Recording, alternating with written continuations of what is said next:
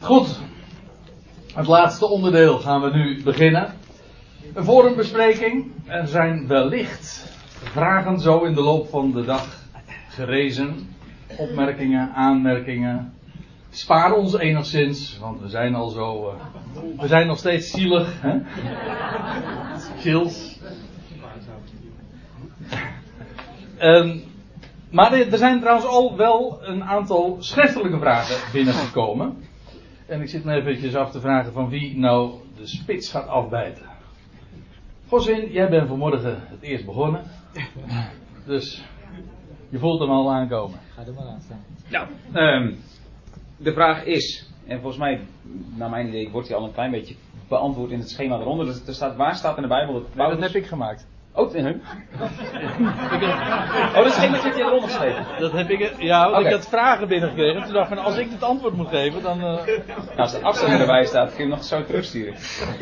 uh, Lees even de vraag. Ja, waar staat in de Bijbel dat Paulus het laatste woord heeft?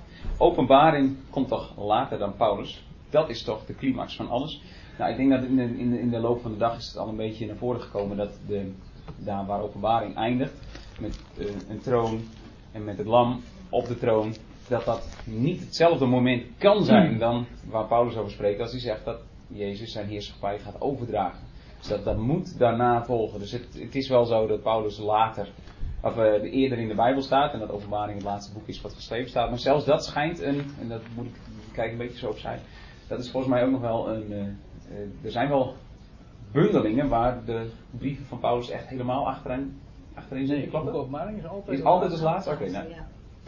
Maar um, gewoon, dus dat. Um, Paulus zegt niet van ja, ik, ik, ik, ben de laatste spreker of zo, maar hij is wel degene die uh, de als laatste Jezus heeft gesproken. En de, de inhoud van wat hij zegt moet wel na openbaring volgen, omdat in openbaring Jezus nog op de troon zit. En uiteindelijk, in Paulus' woorden, geeft hij de heerschappij over en nou ja, nog eentje die daar logisch uit volgt. De tweede dood is nog vrij vers in openbaring 22. En uh, Jezus uh, maakt de dood teniet. Dus dat zal tenminste na die tweede dood moeten zijn. Dus dat zijn argumenten om te zeggen dat Paulus dan in de Bijbel niet als laatste uh, staat, maar in zijn vooruitzicht, de horizon waar hij naar kijkt, de dingen die hij heeft gezien en ons als hoop mag presenteren, die zijn wel later dan wat openbaring zegt. Kunt u daar eens mee? Anders dan uh, gooit hij nog maar een briefje. Nee hoor. Nee. en propjes. Je hebt... Uh... Uh, ja, ik heb ook nog... Nou, Gerard, doe jij die vraag eens. Ja. Moet ik hem even voorlezen natuurlijk. Um, Gerard sprak over de vier groepen van opstanding. Gerard sprak over de vier groepen van opstanding na de eerste dood. Um,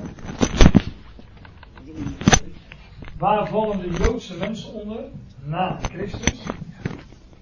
Uh, die niet in Jezus als Messias geloven.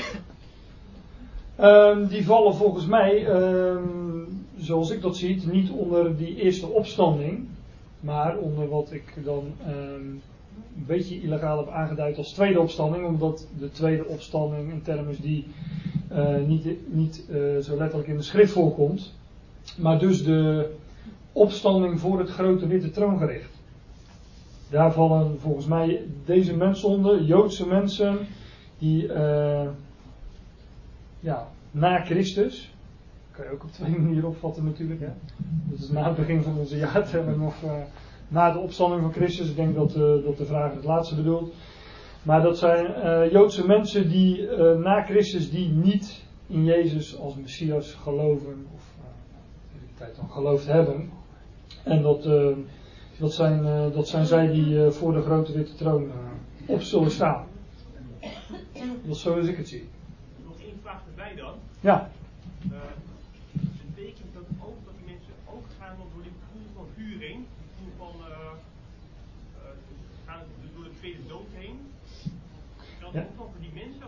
Ja, er staat, uh, als, als het over die uh, grote witte troon gaat, dan staat er, uh, zo iemand niet gevonden werd geschreven in het boek des levens, die werd geworpen in de poel des vuurs. Vers ervoor heb ik volgens mij in mijn presentatie ook gezegd. De poel des vuurs, dat is de tweede dood. Nou. Helder? Oké. Ja. Nou, ik ben het er niet. Nou, dat mag. Nou, niet.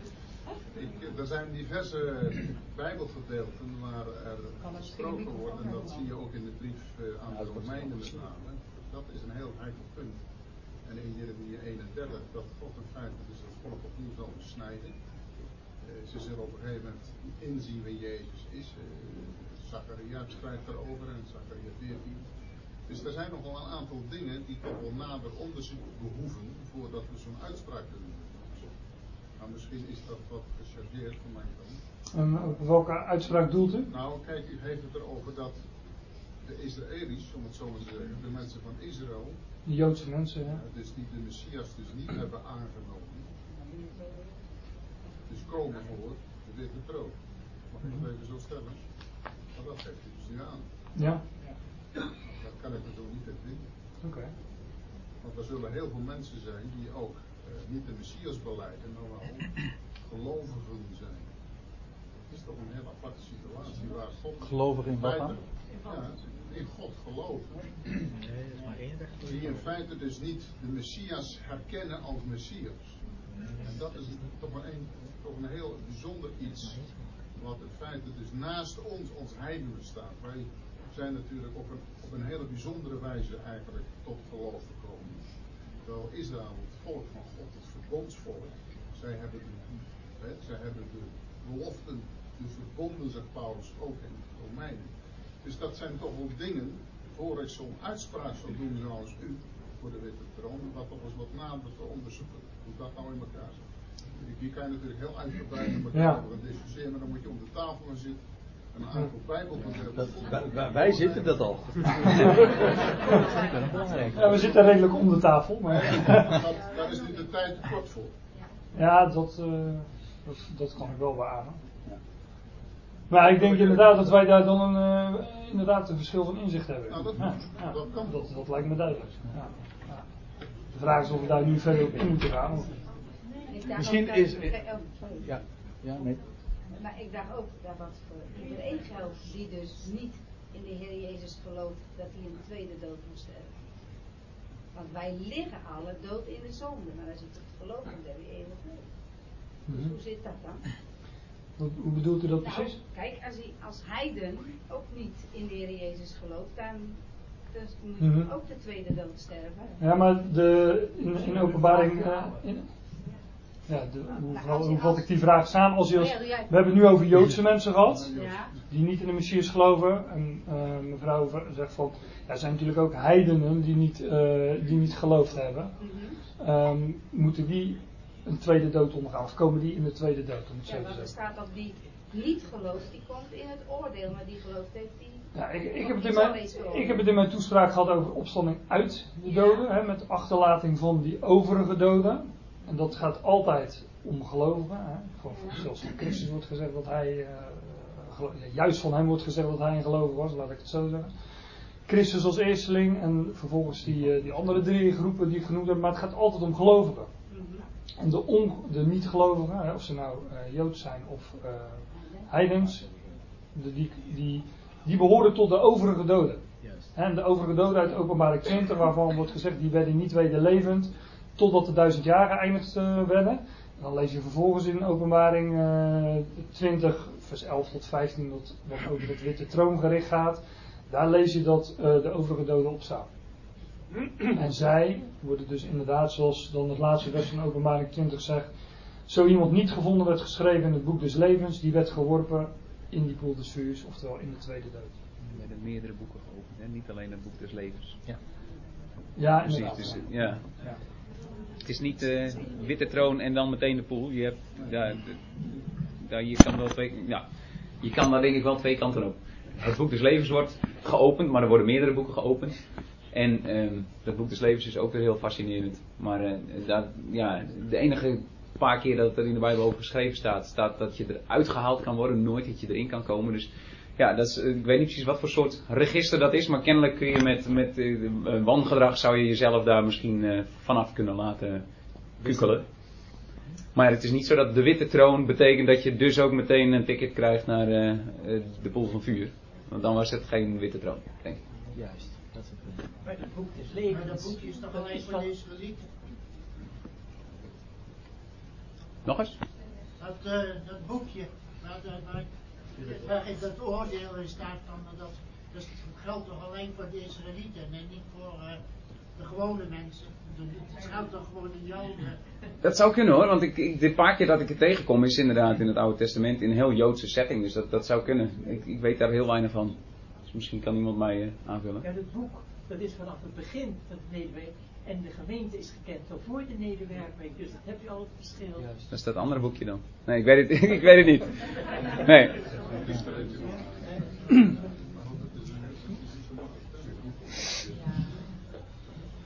Uh, ik herinner mij dat we de vorige keer, en de vorige keren zelfs, het ook al over dat boek des levens gehad hebben. En ook over dat lot van degene die voor die grote witte troon dan uh, komen te staan. En of daar ook nog onderscheid uh, is. Want het louter feit dat je niet behoort tot de rechtvaardigen, positief dus tot de gelovigen. Dan hoor je dus bij de overige doden. Maar daar zit ook nog een hele categorie van mensen bij, mag je aannemen, die uh, evenmin tot de categorie van de onrechtvaardigen horen. Bijvoorbeeld doordat ze, ik noem maar wat, uh, doordat ze heel jong gestorven zijn, maar die niet dus per definitie ongelovigen waren. Onge een ongelovige veronderstelt dat je het woord hebt verworpen. Dat hoeft dus niet per se dus allemaal hetzelfde te zijn. Maar voordat we ons nou in uh, dat soort, ja, boeiend genoeg daar niet van, maar in dat soort details verliezen, denk ik dat we er verstandig gaan doen. Eerst eventjes de hoofdvragen op een rijtje te zetten. Uh, ik, ja, ik heb een paar uh, ook hier nog uh, in mijn handen gekregen. Eén daarvan is, uh, die, nou, laten we die eerst eens nemen. Uh, hoe kunnen doden eigenlijk opstaan? Uh, mensen die verbrand zijn, bijvoorbeeld. Of die onthoofd zijn. Hoe moet ik me dat voorstellen? Staan ze dan op? Ja, sorry. Op twee benen. Ja, je, nee, laten we, laten we het eerbiedig, eerbiedig houden. Ja, nou, kijk, ja, daar hadden we zojuist in de pauze ook nog een heel uh, punt over. Dat ging over uh, graf en over grafdelving. Nou, één ding is uh, zeker. trouwens, het motief van een hele categorie van mensen die er heel bewust voor kiest om gecremeerd te worden na het overlijden, is dat ze echt elke spoor van leven, zeg maar, willen, willen wissen. En ze zijn, ze zijn er niet meer. Zo, met andere woorden, ook dat God ze niet meer weet te vinden. Nou, dan moet ik ze teleurstellen. Dat zal uiteindelijk geen teleurstelling zijn, hoor daar niet van.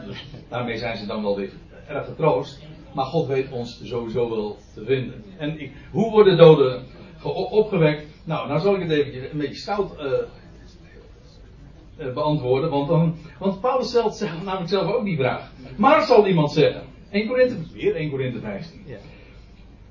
Maar zal iemand zeggen, hoe worden doden opgewekt? En met wat voor lichaam komen zij? En weet je wat iemand zegt? Idioot. Sorry, dwaas.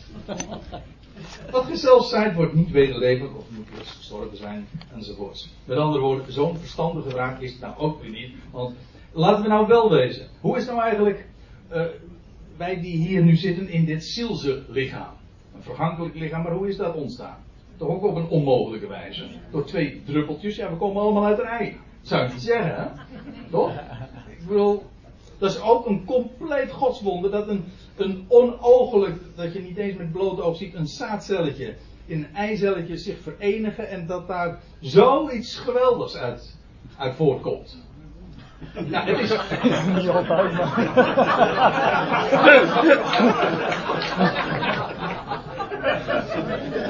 Wie dacht jullie? Soms. Ze zitten wel allemaal naar jou te kijken in ieder geval. Ja, maar ik naar jullie. ik dacht naar jullie. Ja. Nee, maar ik bedoel het uh, idee, u begrijpt hem. Dus ja, dat kan ook niet. Dat, daarvan zeg ik, hoe kan dat? Dat kan helemaal niet. Het is dat we een, het een ervaringsgegeven is dat we zeggen, ja, het doet zich gewoon voor. En of we het nou kunnen verklaren, we kunnen het niet verklaren, of niet, maakt niet uit. Het is gewoon een gegeven. En dat is met de opstanding ook niet anders. Dan zou niet eerder zijn dat, uh, dat God ons samen stelt als een, als een blauwdruk die hij bewaard heeft, gezeefd heeft voor ons. Wij pakken van wat nieuwe aarde. En, uh, en meer op dezelfde wijze. Is jouw hele as over vier windhoeken en aarde. Ja, precies. Het is toch wel gewoon een kwestie van nou, ja, blauwdruk. Wat, wat ja, want dat is wat, uh, waar, uh, waar Goswin het al even over had, over die, die tekst uit Prediker, dat de geest weer terugkeert naar God, die hem gegeven heeft. Dat kan de adem zijn, maar ook meer de geest, in de zin van het, de geest van denken. Wel, dat wordt, als, om het even in computertermen te zeggen, als backup opgeslagen. En, en TZT, dan wordt dat gewoon weer, hoe zeg je dat? Gedownload. Nou, meer zijn. Ik had, ik, ik had een heel leuk uh, plaatje. Ja. Zal ik het even doen? E e eventjes tussen. Ik heb hier dus dan.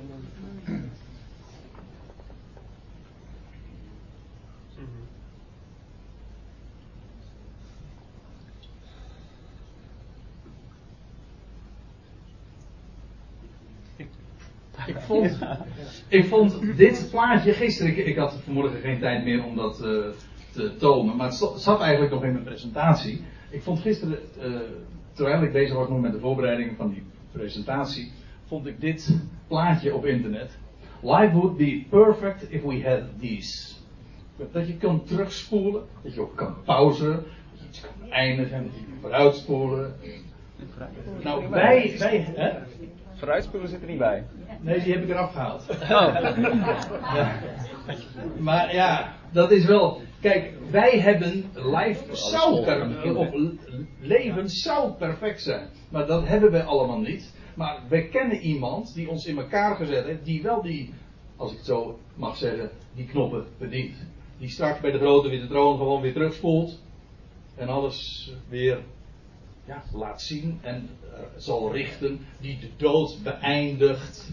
En die bij, op het moment dat we sterven, op de pauzeknop drukt. En dat we op het moment dat wij weer opstaan, of opstaan, dat hij weer op play drukt. Om eventjes in deze termen te blijven. Ja, dat vermogen heeft hij. Daar hebben we een God voor. Met allemaal hoogleuks. Ja. Even een andere. Peter, ik heb jou nog niet gehoord. Oh, maar je hebt geen vraag. Ik heb nog geen vraag. ik was een mooie vraag. Ik was veel te duidelijk. Wie oh wie? Ja, ik heb. Peter, je noemde allerlei, je noemde allerlei dimensies, weet ik veel. Maar je noemde niet de dimensie tijd en dat heeft waarschijnlijk betrekking op dat ook. Wat is jouw visie op de dimensie tijd dan in het hemelse lichaam? Tijd ervaring. De vraag is uh, uh, in de presentatie is niet naar voren gekomen hoe het zit met de dimensie tijd uh, en hoe denk ik daarover. persoonlijk denk ik dat een levend gemaakt lichaam geen, um, niet afhankelijk is van tijd en ruimte. Niet afhankelijk van tijd en ruimte. Die twee gaan namelijk altijd samen, hè, tijd en ruimte. Waarom? Als je je wil verplaatsen in een ruimte, heeft dat weer tijd nodig om zich te verplaatsen. Hè? Ik weet er alles van, want ik heb net gevlogen een paar dagen geleden en ik vind het niet leuk. Dus uh, uh, ik, vind, ik vind het, uh, ja, dat is nou eenmaal een feit. Tijd en ruimte die zijn onlosmakelijk met elkaar verbonden. Dus een levend gemaakt lichaam is daar niet afhankelijk van. Als je nu met een levend gemaakt lichaam in een ander melkwegstelsel wil zijn, dan ben je er. Dat is wat ik geloof. Bovendien geloof ik ook dat het, uh, uh, ja, je hebt verschillende soorten hemelse lichamen. En ik denk dat het lichaam dat wij als lichaam van Christus krijgen, van een betere versie is dan die de engelen hebben. En uh, hoe zit het dan met herkenning? Herkenbaar? Oh ja, de vraag is ook hoe zit het dan met herkenning, herkenbaarheid van een levend gemaakt lichaam. Ik geloof persoonlijk dat wij um, elkaar zullen herkennen en onze geliefden ook zullen herkennen. Of het nou is in een levend gemaakt lichaam of wanneer ze staan voor de grote witte troon. We zullen, we zullen elkaar gewoon herkennen. Dus we zullen precies weten wie in het leven voor de dood onze vrouw, onze vader, onze broer, onze zoon of dochter was. Dat geloof ik persoonlijk. Is het uh, gewoon dus dan fysiek in beeld of is het gewoon in karakter? Of, nee, fysiek. Fysiek. Maar. dan zie je dan ook weer met, met de. Ja, ik, ik gooi me eventjes wat. Maar dan zit je ook dan weer met uh, de, de leeftijd. Van als je ouder bent, zie je weer anders uit dan als je jong bent. Ja. Uh, hoe zit het dan met de leeftijd, is de vraag dan, hè, als het fysiek zou zijn. Persoonlijk denk ik, uh, maar ik, ik, ik, gooi gewoon hè, hoe ik het zie. persoonlijk denk ik dat een bepaalde ideaalleeftijd is, dat is ongeveer 30 jaar. En dat iedereen op een bepaalde... Ik zeg het gewoon simpel hoor. Het is toch wel Een ideaalleeftijd. En dat wij ongeveer op die leeftijd zullen komen allemaal. Ook een baby die als kindje gestorven is. Oei, oei, oei, oei. Dan herken je ook mensen. Soms weet je gewoon op een gegeven moment dat is die of die. Die vader of zoiets, ik veel, die al allemaal overleden is. Dus ik heb zoiets, dus komen gewoon een hele andere dimensie ook van herkenning en uh, ja. gewoon dingen die je nu niet kunt Precies. De opmerking is gemaakt dat bij dromen je ook iemand kan zien die je herkent, die ook misschien al overleden is. En het kan dus ook zijn dat je mensen kunt herkennen meer vanuit de invalshoek van een dimensie en niet per se fysiek. Dat is natuurlijk ook mogelijk, uiteraard. uiteraard. Wat zijn komen de vragen, zeg. Wie? Het probleem waar je ook vaak tegenaan loopt als je het hebt over herkenning. Er zijn mensen die ik nu helemaal niet meer wil ontmoeten.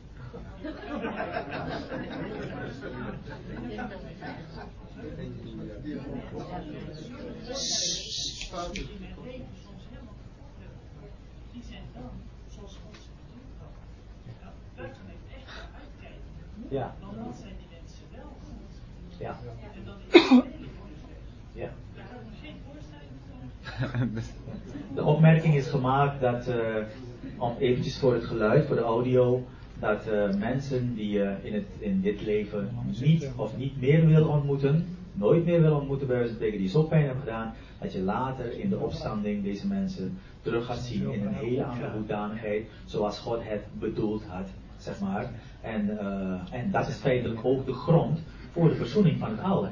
Eerst verticaal, God met de wereld, de wereld met God, en daarna ook horizontaal met elkaar. Zeker, zeker. Hele volkeren soms. Zeker. Ik mag nog even opmerking maken over uh, de dood. Er staat er ook geschreven van uh, de doden slapen, zij weten niets. Ze slapen dus. Dat bij jullie dood. Klopt. Uh, moet ik daar ook op ingaan? Ja, doe dat. Uh, ja, de, do de, de, de, vraag is dat de doden slapen. Dat staat in Prediker 9 inderdaad. Uh, en, en, en ze weten niets. Hè? Er is geen liefde, geen haat, et cetera, et cetera, in het dodenrijk waarheen jij gaat. Dat klopt. Maar dat is een vergelijking. Dood wordt vergeleken met slaap. Waarom? Omdat slaap natuurlijk vooral een toestand is van onbewustzijn. En natuurlijk kun je ook licht slapen, en dat, dat, is weer een ander verhaal. Maar als je diep slaapt, lijkt het alsof de tijd ook niet voorbij gaat. En wat ik zo geweldig vind persoonlijk van dood, is dat de dood een soort stoplichtwerking heeft. Het is eigenlijk, uh, uh, je moet het zien, uh, iedereen sterft in een, op een bepaald moment in de tijd. Alles wacht. Op een gegeven moment staat een groep weer op. Fantastisch. Dus iedereen, het, da, daarom die, die, die pauzeknop, vind ik fantastisch André. Ja, schitterend. Dus het is een stoplichtwerking. Op een gegeven moment staat een bepaalde groep weer op. Op een bepaald moment, volgende groep weer op een ander moment. Dan gaat ze maar door. En de grote horde, die staat op voor de grote witte troon. En, uh, en die staat tegelijkertijd op, in, tegelijkertijd, in, ongeacht in welk tijdperk ze geleefd hebben. Maar allemaal voor hun gevoel, voor, voor het gevoel van de persoon die de laatste adem uitblaast, is er nog geen seconde voorbij tussen het moment van laatste adem uitblazen en weer bewustzijn krijgen. Onthoud dat goed. Dat is een meesterlijk geniale, geniaal ontwerp van God. Want je kent het verhaal, als je een kind wil aanpakken, wat doe je? Je moet niet wachten, hè? Want na een week weet het kind echt niet meer wat hij heeft misdaan. Meteen aanpakken, toch? Wat gaat er gebeuren bij de grote witte troon? Je, je sterft in ongeloof en het volgende moment word je aangepakt. Deze meneer. Ja. Er zijn uh, drie termen voorbij gekomen: opwekken, opstaan en levend maken. En er staat natuurlijk in de Colossensebrief dat jullie werden gezamenlijk uh, opgewekt, staat daar. Dus dat is al iets wat nu al, zeg maar, geestelijk, iets van, uh, van nu van de gelovigen is. Maar dus kan ik dan zeggen dat opstaan en opwekken is eigenlijk al een feit, geestelijk. Maar de levendmaking moet daarin nog komen. Of kun je daar iets over vertellen, over die drie begrippen? Oké. Okay. Omdat ze natuurlijk door elkaar gebruikt worden. Ja. Uh, wat ik erover kan zeggen, misschien kunnen mijn uh, collega's me aanvullen. Uh, wat ik erover kan zeggen is. De vraag is trouwens, dat ik de vraag herhaal voor de audio. opstaan, opwekking en levendmaking, dat wordt ook genoemd. En het wordt ook vermeld dat we het feitelijk vooral de op, het opstaan en het opwekken al nu hebben. We zijn met Christus opgewekt. Zal ik maar zeggen. Zo rekent nou, God. Sorry? Zo rekent God. Precies. Dat, je haalt me de woorden in de mond. Zo rekent God. Het is geestelijk aan een feit. Um, uh, het is ook een figuur. Het, figuur wordt prolepsis genoemd. In Romeinen 4 vers 17 staat het heel mooi. De God die levend maakt en uh, roept, wat, uh, roept tot aanzijn wat niet is. Dus hij roept, moet ik het goed zeggen, wat niet is alsof het er wel is. Dat is prolepsis, dat is gewoon een figuur. In Efeze 1 vers 5 staat er dat wij, lichaam van Christus, zijn gezeten in, tussen de hemelingen, aan de rechterhand van God. Precies wat Christus al is. Dat zijn we nu al, geestelijk, zo rekent God, zo ziet God ons al. Dat is een figuur. En straks is het werkelijkheid. Betekent dat dan dat alleen de levendmaking wordt nog aan ons voltrokken? Precies, dat is dan de, de, de werkelijke fysieke, uh, fysieke verandering, zeg maar, die we zullen ondergaan. De vrijkoping van ons lichaam. Ja. Ja, van ons lichaam, inderdaad. Dat is de verlossing van ons lichaam. Dat is nog onze verwachting, inderdaad. Ja, klopt. klopt. Ja. De zielen onder het altaar, die zijn dan de uitzondering van de, alle andere doden die dus slapen. Uh, wanneer uh, gaat dat van, van kracht? Is dat nu ook al? nu wordt er ook al wel gelovigen misschien vermoord of wat dan ook. De zielen onder in welke tijd? de vraag is de vraag is de zielen onder het altaar, hoe zit het daarmee? Dat lijkt toch een beetje uitzonderingspositie te zijn. Wie betreft het nou eigenlijk en in welk tijdperk zal dat zich afspelen? Dat heeft te maken met de opening van de vijfde zegel en dat geef ik dan over aan Gerard, want die heeft... Oh, jou hè? Ja. Oké, jij hebt het over gehad. Valt me mee dat hij uh, zo laat komt, want ik had hem inderdaad ook gelezen. Ik denk, nou, die, die komt. Um, als eerste, en dan, dan doe ik het met de grote kwast hoor. De openbaring is sowieso een boek waar ik. Uh, uh, waar beeldspraak en, en betekenis voor mij soms ongrijpbaar zijn. Maar um, later kwam de tekst, die was volgens mij bij jou, Gerard, dat de, of bij jou, de, de ziel zit in het bloed. En het is een altaar, dus de setting is altaar, ziel.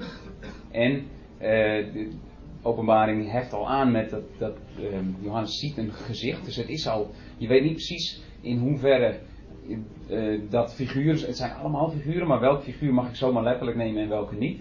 Want ik kan me ook heel weinig voorstellen bij een schaal boosheid die ik uitgiet. Dus, ja, ik, maar als de ziel in het bloed zit en de zielen schreeuwen of roepen uit, dan denk ik terug aan Genesis, Kain en Abel, dat, dat, dat God op een bepaald moment zegt van, joh, het bloed van jouw broer roept vanuit de aarde. En, en dan denk ik vanaf, volgens mij zie ik daar die figuur. Dus dat zijn niet echt toch ontzielde, nou ja, ik weet niet precies wat ik me daar, maar wat daar dan onder dat altaar zit met zijn vuist gebald. Ja, wanneer, mag, wanneer mogen wij dan weer? Maar het is, uh, het is beeldspraak met volgens mij, als je inderdaad de context van het Oude Testament, van het bloed vanuit de aarde en ook dat de ziel in het bloed zit. De Joodse toehoorders waren natuurlijk helemaal bekend met die, met die, met die tenag, veel meer dan wij. Denk ik dat wij daar meer in lezen dan zij. Dus dat, ja, beeldspraak. Beeldspraak. Ah. Hier ben ik. Oké. Okay. Martelaren, alleen behorende tot de Israëlieten. Die het teken niet aangenomen hebben. Rechtvaardigen staan voor de dag van de grote troon, nog voor de, voordat de martelaren opstaan. Dus de rechtvaardigen staan op. Heb jij gezegd, zeg jij. Van, dat die opstaan voor de dag van de grote toorn. En nog voor de martelaren. En de martelaren alleen, en zijn het alleen de martelaren die behoren tot de Israëlieten, die het teken niet hebben aangenomen? Of zitten daar ook nog de ongelovigen uit de andere naties bij? Ja, dat is een goede vraag. Ik, uh, volgens mij, als ik de vraag uh, goed begrijp, dan uh, vraagt u in openbaring 6 onder die zegels. Hè, ik heb gezegd dat het gaat over de grote verdrukking. En die zegels die, uh, ja, die zorgen ervoor dat de mensen die wel die, die, die geloven. en die om het woord van God en om hun getuigenis, dus om, om, een, ja, om een geloof, om het even samen te vatten, om, omkomen in die grote verdrukking. Toch? Ja, zijn dat, zijn dat alleen Israëlieten? Wordt hier alleen gesproken over Israëlieten? Of worden er ook mensen nog uit de naties die dat zegel niet hebben aangenomen en die ook vermoord worden daarom? Nou, in ieder geval in openbaring 6 denk ik dat het sowieso op de eerste plaats om Israël gaat, omdat daar die grote verdrukking zich afspeelt. Maar de, uh, de, de om weer die, die term te gebruiken, die martelaren die we vinden in openbaring 20 vers 4, die komen uit de dag van zijn toren. En ik geloof dat dat wel een wereldwijde aangelegenheid is.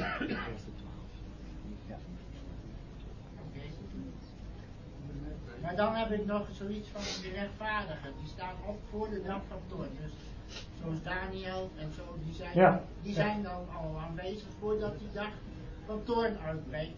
De opstanding der rechtvaardigen, die, ja, dat is op die 1335 dagen inderdaad. Uh, en dan daarna breekt die dag van toorn uit. Dus zij moeten dat meemaken. Ja, alleen um, in. Er komt natuurlijk een hele. Je rolt van het een in het ander. Maar wat ik, wat ik geloof is dat uh, de, de Messias aan het einde van die grote verdrukking zijn voeten zullen staan op de olijfberg, lezen we in Zachariah 14.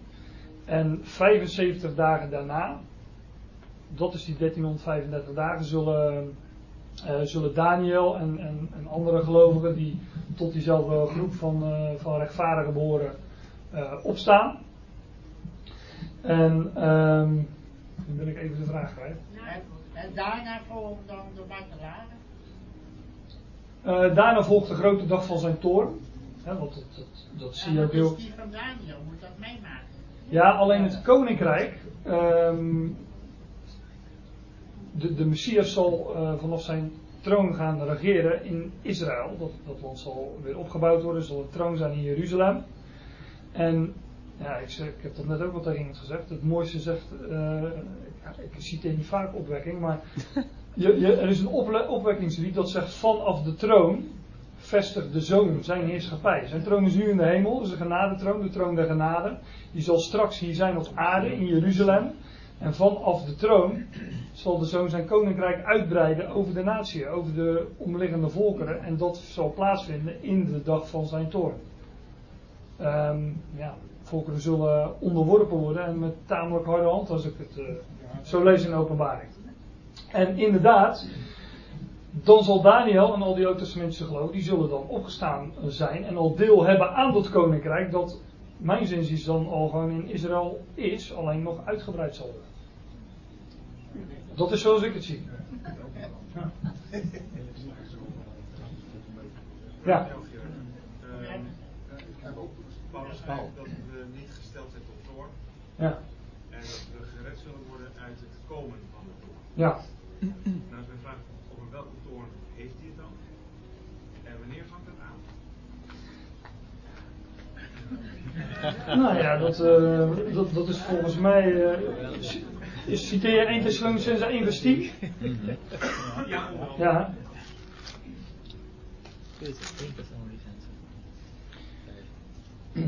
Paulus zegt daar, um, in vers 9, uh, tot die Thessalonicense, hoe gij tot God bekeerd zijt, omgekeerd zijt.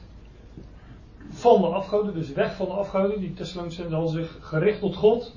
Weg van die afgoden om de levende en waarachtige God te dienen. En zijn zoon uit de hemelen te verwachten. Staat er dan. Dus zij verwachten zijn zoon uit de hemelen. Nou, ik geloof dat ik, uh, toen ik 1 Thessalonicense 4 aanhaalde, waar staat dat de doden in Christus uh, opgewekt zullen worden en tezamen met de levend overgeblevenen weggerukt zullen worden de Heer tegemoet in de lucht. Daarvoor lees je ook dat de Heer zelf zal afdalen van de hemel. Nou, dat lezen we hier ook in 1 Thessalonicense 1 vers 10. He, zij verwachten zijn zoon uit de hemelen, die hij uit de doden opgewekt heeft, namelijk Jezus. En dan staat er die ons verlost van, zegt de Statenvertaling, andere oudere handschriften zeggen ook uit, de toekomende toren. Dus wij worden gered uit de toekomende toorn. Dat betekent dat op het moment dat wij uitgered worden, of behoed, bewaakt, uh, dat, dat staat er letterlijk op het moment dat wij uitgered worden, zal die toren ook nog toekomend zijn. Dus wij worden voor dat moment, dat heb ik volgens mij ook in dat uh, overzichtje, die tijdlijn even aangegeven, wij worden voor dat moment weggerukt. Dat geloof ik. Um, maar van wie, is, van wie is die toren? Dat was ook een vraag volgens mij. Over welke toren? Ja, over welke toren gaat het precies? En wanneer vangt die dan aan? Nou, ik geloof dat dat de toorn is. Ik hoop dat ik het zo snel kan vinden. Dan zijn we weer in openbaring. Openbaring 12. Daar staat. Um, ja, bijvoorbeeld in uh, openbaring 12 vers 12 staat. Hierom bedrijf vreugde gij hemel en gij die erin woont. Wee degene die de aarde en de zee bewonen, want de duivel is tot u afgekomen en heeft grote toren. Wetende dat hij kleine tijd heeft. En verderop staat, en de draak, in vers 17, en daar staat elders, de, de draak, dat is de oude slang, dat is de duivel, dat is de Satan. De draak vergrimde op de vrouw, een beeld van Israël. En dan hij ging heen om uh, krijgen om oorlog te voeren tegen de overige van haar zaad, van het zaad van Israël. En ik geloof dat dat spreekt van die grote verdrukking. Waarvan ik ook aangeef dat ik geloof dat die 1260 dagen duurt. In openbaring 12 overigens een kleine tijd wordt er gezegd. En dan een paar versen verder tijd, tijden en een halve tijd. Oftewel 3,5 jaar. Maar ik geloof dus dat wij worden gered van de toren van die draak. Dus van de Satan. Nou, zie je dat dan is er dan al zegel geopend, bij wijze van spreken, om zo maar even te zeggen? Sorry, ik sta niet helemaal. Is er dan al bijvoorbeeld een, een zegel geopend of een schaal? Op welk tijdstip zie je dat? Uh, er staat dat, dat, hij, dat hij komt om te overwinnen op wit paard. Dat is het, het eerste zegel van Ja. Bedoel, zijn we er dan nog? Wij zouden in principe moeten kunnen herkennen, want we weten gewoon wat, wat hij gaat doen. Nou, als ik, als, ik openbaring 6 lees, dat eerste, dat eerste vers is geloof, daar wordt inderdaad gesproken over, over een wit paard. Uh, met iemand daarop, die volgens mij geen Messias is, maar een pseudo-Messias. Maar die brengt vrede. Dat staat er niet letterlijk, maar in het volgende vers staat er dat het volgende paard de macht heeft om de vrede weg te nemen. En ik geloof dat op het moment dat die vrede weggenomen wordt, dat wij voor dat moment in veiligheid worden gebracht. Dus gered uit die toekomende toren. Ja, ja dan uh, kun je op je vingers nagetellen dat het niet lang meer duurt. Ja. ja. Ik heb ook gevraagd of ik een van die twee op papier. Ja, ja, ik heb... ja er liggen hier nog wel papier in. waarschijnlijk niet aan toe. Ja, ja weet ik niet. Ik geef hem een andere. Maar dat gaat echt over het onderwerp. De, ik, uh, ik hoor hier een lichte vermaning. dat gaat tenminste wel over het onderwerp. Ja, dat klopt trouwens wel. Ja, ik heb nou, nou, dit ging ook wel. Ja, ja, ja. ja, ja. Het ging over het moment dat die wegrukking dan plaatsvindt. En uh, als ik nog één aanvullende opmerking uh, daarover mag maken, dat is ook helemaal in aansluiting erop. Openbaring 12, vers 5, 6, daar lees je ook inderdaad over die man, over, ook over die wegrukking, die mannelijke zoon. Die wordt weggerukt tot God en zijn troon. En dat is dan dezelfde gebeurtenis waar ook Paulus aan, aan, aan refereert. En vervolgens is het de vrouw die dan uh, uitwijkt naar een plaats door God gereserveerd in de woestijn. En, dat, en dan staat er ook bij, al waar zij bewaard wordt en behoed, en hoe staat het er precies? Gevoed. 1260 dagen. Dus die wegrukking ook daar is voorafgaand aan die 1260 dagen. Maar ik geef toe, daar zit natuurlijk heel wat meer aan vast. En ik zie, en terwijl ik rondkijk in de zaal, zie ik hier mensen nee schudden. Maar uh, dat is nou het grote voorrecht als je een microfoon in je hand hebt. En ik laat hem niet los. En ik laat hem niet los. Ja, sommige mensen hebben erg, veel hekel aan uh, om tegengesproken te worden. Maar goed, ik heb het voorrecht dat ik uh, u, u kan overschreeuwen. Nee. Maar dus, uh, ja, weet je, dit zijn uh, soms dan van die zaken, van die details. We geven ons een inzichten daarin door. En voor wat het waard is. Voor zover ons inzicht reikt in de schrift. En overweeg deze dingen gewoon voor uzelf. Dat lijkt mij erg wijs om dat te doen. En neem niks aan zomaar omdat een spreker dat zegt verwerpen trouwens ook niet omdat een bepaalde spreker dat zegt. ja, ik heb hier nog een uh, vraag die, uh, die hier op papier staat. Er werd zojuist al eventjes aan gerefereerd. Die wel over het onderwerp gaat.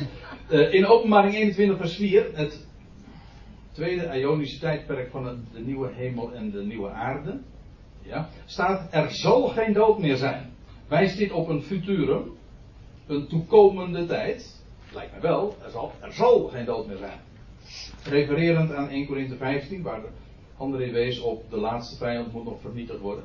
Dus de overige doden zijn in het tijdperk van de nieuwe hemel en de aarde nog dood. Ja, nou dat is geen vraag. Dat, ja, dat is wel een vraag, maar ik kan het eigenlijk alleen maar bevestigen. Dit lijkt mij geweldig. Er zal geen dood meer zijn, dus dat wijst inderdaad uit op, op, op dingen die dan nog zich moeten gaan voltrekken. Dus als er staat van en de dood was niet meer, of nee, zal niet meer zijn, is inderdaad dus toekomende tijd. En dan heb ik er hier nog één. Wat, de, nee. Uh, wie zijn de koningen en priesters? Die heeft niet direct te maken met de vraag. Wie zijn koningen en priesters? Toch niet het lichaam van Christus? Nou, laat ik uh, die heel kort beantwoorden. En daar kan nauwelijks kritiek op zijn. Zoals ik het nu ga doen. Wie zijn die koningen en priesters? Er staat in Exodus 19. Daar staat dit. Nu dan. Um, ja, daar staat dit. Nu dan, indien gij, jullie, Israël, aandachtig luisteren naar mij en mijn verbond bewaart, dan zult gij uit alle volkeren mij ten eigendom zijn, want de ganse aarde, ganse aarde behoort mij. En jullie zullen mij een koninkrijk van priesters zijn en een heilig volk. En dan staat erachter, dit zijn de woorden die gij tot de Israëlieten spreken zult. Mijn zinziens expliciet een antwoord op deze vraag. Lijkt mij. En heb ik er nog één. Ja. Wat bedoelt Paulus met ex anastasin ten en ten en necroon. Ja, ik lees gewoon voor hoor. Dat, maar ik weet, dat is de uitopstanding, letterlijk is dat, als je het weergeeft, de uitopstanding vanuit de doden. Filippenzen 3 vers 10 en 11. Ja, ik weet dat daar heel veel over uh, te doen is, over die frase. En men, en nou ga ik weer iets zeggen, en ik geef het ter overweging mee. Mijn zinziens is het dat dubbele uit, waar dan nogal wat aan, in mijn ogen, aan opgehangen wordt, uh, is net zoiets als de uittocht uit Egypte. Ja. ja, dat is ook dubbel uit. De uittocht, namelijk uit Egypte. Nou, die uitopstanding uit de doden is de uitopstanding, namelijk vanuit de doden. En, maar waarom wordt er dan niet overal, als er om opstanding, eh, van opstanding sprake is, waarom staat het woordje extra dan niet bij? Dat hoeft ook niet per se. Je kan toch ook zeggen, de tocht uit Egypte is toch niet iets anders dan de uittocht uit Egypte. Dat is een bepaalde stijlfiguur, maar... Nou, eerder in mijn present... Eerder in mijn present... Oh, de, ja?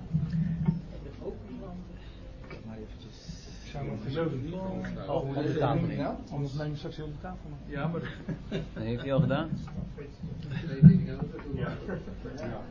Ja. Neem jij dan maar heel Ik zei al, hij laat hem niet los. Even een kleine toevoeging um, op jouw vraag, Anke. Hoe zit het dan met... Even, even, dat is niet mijn vraag hoor. Nee, nee, nee, jouw opmerking dan op de vraag. Hè, jouw, jouw opmerking op de vraag.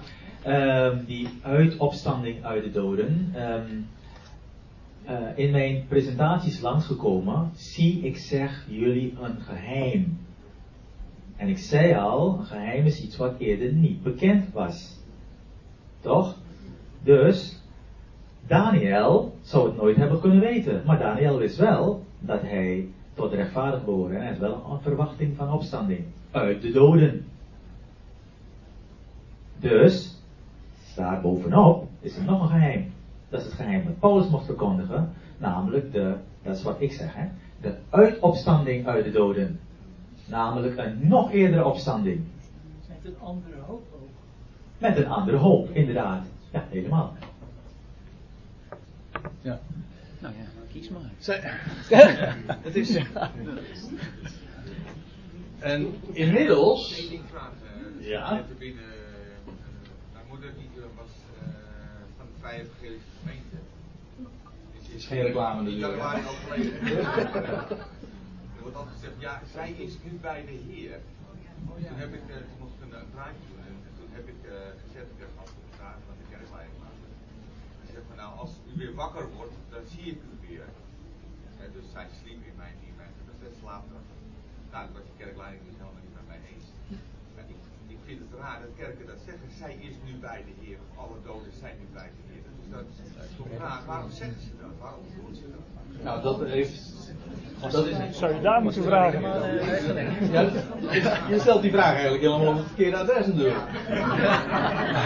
Waar halen ze dat dan vandaan? Eh, Ja, nou ja, dat heeft dus alles denk ik te maken met dat idee van die onsterfelijke ziel. De, het lichaam ligt daar wel in het graf, maar hij juicht daar bij Gods troon, weet je wel. Dus als onsterfelijke ziel. Maar het is altijd, ik, wat ik nog frappanter vind. Ja, wij zijn inderdaad zwaar over tijd. Nou, zwaar. eh, vijf minuten. Nou, gewoon wel thuis. Ja, dank je. En eh, ik vind het, eh, wat ik vooral opmerkelijk vind, is dat in dat verband heel dikwijls ook eh, dat gedeelte van 1 Thessalonica 4 wordt voorgelezen. Waar Paulus dus zegt, nou ja, vanmorgen, of eh, vandaag is het al diverse keren aandacht voor gevraagd van over de doden die eerst zullen opstaan en dan vervolgens wij levenden zullen, tezamen met hen de Heer tegemoet gaan in de lucht. En dan staat er, en alzo zullen wij, zullen wij met de Heer zijn. En eigenaar, Bemoedigt elkaar hiermee. ja, bemoedig elkaar Niemand met het. deze woorden. En niemand doet het. En nee, ze Ja. doen het niet met deze woorden. Ze zeggen, nee, de troost is, zij zijn nu al bij de Heer. Hè? En, en, en wij straks later. Maar de, de, de hele clue van 1 Thessalonica 4 is, straks, bij, de, bij die bazuin, en dan gezamenlijk, allemaal tegelijk, dus niet één voor één, nee, allemaal gezamenlijk, gaan we de Heer tegemoet. Ja, dus ik vind het altijd heel eigenaardig dat men dat gedeelte dan leest, terwijl men zulke dingen tegelijkertijd bij het graf ook zegt. Ja. Peter gaf dat goed aan, André. Peter, jij gaf dat goed aan. Op het moment dat je je laatste adem uitblaast Lampje en je ogen opent, daar zit geen tijdsverschil tussen. Dat gaf jij. Ja. Zo zit het in elkaar. Zo. Nou, is dit Ja. zo'n punt? Ja. Dat lijkt me een punt. Punt, uitroepteken. Mooie bevestiging. Zullen we het hier. eh, oh, René. Ja, dan misschien kan je nog even voor de groep, misschien of iemand dat kan. Even, ik had een gesprekje in de pauze met een, toevallig met het stel wat net al wegging. Ja, weet je, die vroegen zich af van, wat is nou eigenlijk het doel van de tweede dood? Ja, en als je dat, ja, dat is misschien een lang maar misschien zou je er kort iets over kunnen zeggen. Dat, dat geeft wel net meer iets verduidelijking eh, voor deze dag, denk ik zo. Kan ook een onderwerp voor de volgende. Eh, ik denk dat we er verstandig aan doen. Want dan moet je namelijk niet alleen eh, de goed eventjes kunnen definiëren of kunnen aanwijzen wat het doel ervan is. Maar wat is dat dan ook? Nou, daar zijn wel wat dingen zo over gezegd. Maar ik denk dat we er verstandig aan doen om die vraag eventjes te, te parkeren. Nee, laten we, nou laten we in ieder geval... Hè, pauze. Te pauzeren. Ja, zo even. En ik, ik denk dat het allerbelangrijkste is vooral niet alleen maar om te verstaan wat de dood is. Maar één ding moet toch een, deze dag wel heel duidelijk geworden zijn. De dood is overwonnen en wordt teniet gedaan. En het leven triomfeert. Kijk. En eh, met alle details en alle vragen die je zo kunt stellen. Buitengewoon boeiend. Nou, we zijn er zo mee bezig geweest. Maar dat is toch wel. Ja, jongens. Dat staat boven alles en is zo glas en glashelder. Geweldig. Maar ik, ik denk, uh, als er bij de tweede dood, als je voor die troon staat, dat het de bedoeling is dat iedereen erkent van hij hier. En, de, daar, uh, en zover komt het. Ja. ja. Alle, alle knie gaat buigen, alle tong zal. Dat dat het doel is. Mag ik hem uh, ja. proberen? Ja, oh ja, natuurlijk. Mag ik het heel kort proberen? Als je echt, um, toen God zei nadat Adam, uh, nou ja, ze zeggen dan dat het van de appel komt, maar uh, dat, dat ze van de vrucht aten en weg moesten. De reden daarvan was niet van ja, nou krijg je de laars en uh, move. Maar anders zouden ze in deze toestand eeuwig blijven leven. Dus het was eigenlijk genade van ja, nou zit je in een lijf, een zondig lijf, dat moet eigenlijk een keertje stoppen. Zij worden opgewekt nog eens een keertje in hun lijf 1.0. Dus in hun, in hun sterfelijke lijf. Ze worden gericht, alles wordt goed gemaakt, maar ja, ze zitten nog steeds in het oude jasje. En om uiteindelijk dan toch te kunnen opstaan in het nieuwe jasje, dan moet je denk ik gewoon nog een keertje sterven, zodat je daarna echt goed kan opstaan. Denk ik. Zo zat ook in de presentatie. Ja. Maar toen ze gegeten hadden, gewoon, hoe verloren ze hun lichtglans. Ja, ja. ja. Geloof ik ook. Volgende keer vragen we Theo erbij. dat is ook een mooi onderwerp. Die lichtglans van het lichaam, want er heeft, ja, je hebt het nog wel even aangestipt over dat het lichaam licht zal geven. Ja, een lichaam van heerlijkheid. Jongens, jongens, we gaan nog een heleboel beleven en meemaken. Ik stel voor dat we zo aan het einde van deze dag, het is tien over half vijf, dus zo erg verlaat zijn we nou ook weer niet, om deze dag uh, zo af te sluiten. We hebben enorm veel zo vanuit het woord zo aangereikt gekregen. En ik stel voor dat we onze hemelse vader daarvoor danken. Machtige God en Vader, we danken u dat u ons uw woord hebt gegeven. Waardoor we met een opgeven hoofd in het leven mogen staan. We danken u dat uw woord de rotsgrond is waarop we bouwen en waarop we stevig mogen staan en dat dat nooit teleurstelt. U bent de levende God. Daar wijst u in uw woord op. Het zijn levende woorden, het zijn krachtige woorden. En wat een toekomst wacht ons. Wat een toekomst wacht deze wereld, die van de vergankelijkheid verlost zal worden in onvergankelijkheid en heerlijkheid en kracht. Wat een toekomst, wat een God, wat een uitzicht. We danken u Heer dat dat licht nu al in ons hart straalt en dat we dat licht ook mogen doorgeven. Werkelijk een goed bericht mogen kennen. Een blijde tijding. We danken u zo ook voor deze dag, voor de gelegenheid, voor de ontmoeting met elkaar. Voor de vreugde om elkaar te kennen en te herkennen in de rijkdom van uw woord. En leer ons werkelijk te verstaan. Wat het betekent om u te kennen. En de rijkdom van dat wat er staat geschreven. Zo dragen we elkaar zo ook bij u op voor de rest van deze dag. Als we weer van hier gaan. We danken u dat we voor uw rekening zijn. U geeft alles wat we nodig hebben. In de naam van uw Zoon, de redder van deze wereld. Amen. Amen. Ik zou zeggen, vrienden. Wel thuis. Tot ziens. Wanneer er weer een uh, dag als deze is, dan, uh, dan verneemt u dat wel. De studies die komen in deze dagen op de, de website van in ieder geval goed bericht, maar ook van de van mijn uh, collega brothers ongetwijfeld staan. Dus wij treffen elkaar hierbij. Ik zou zeggen wel thuis en al het goede.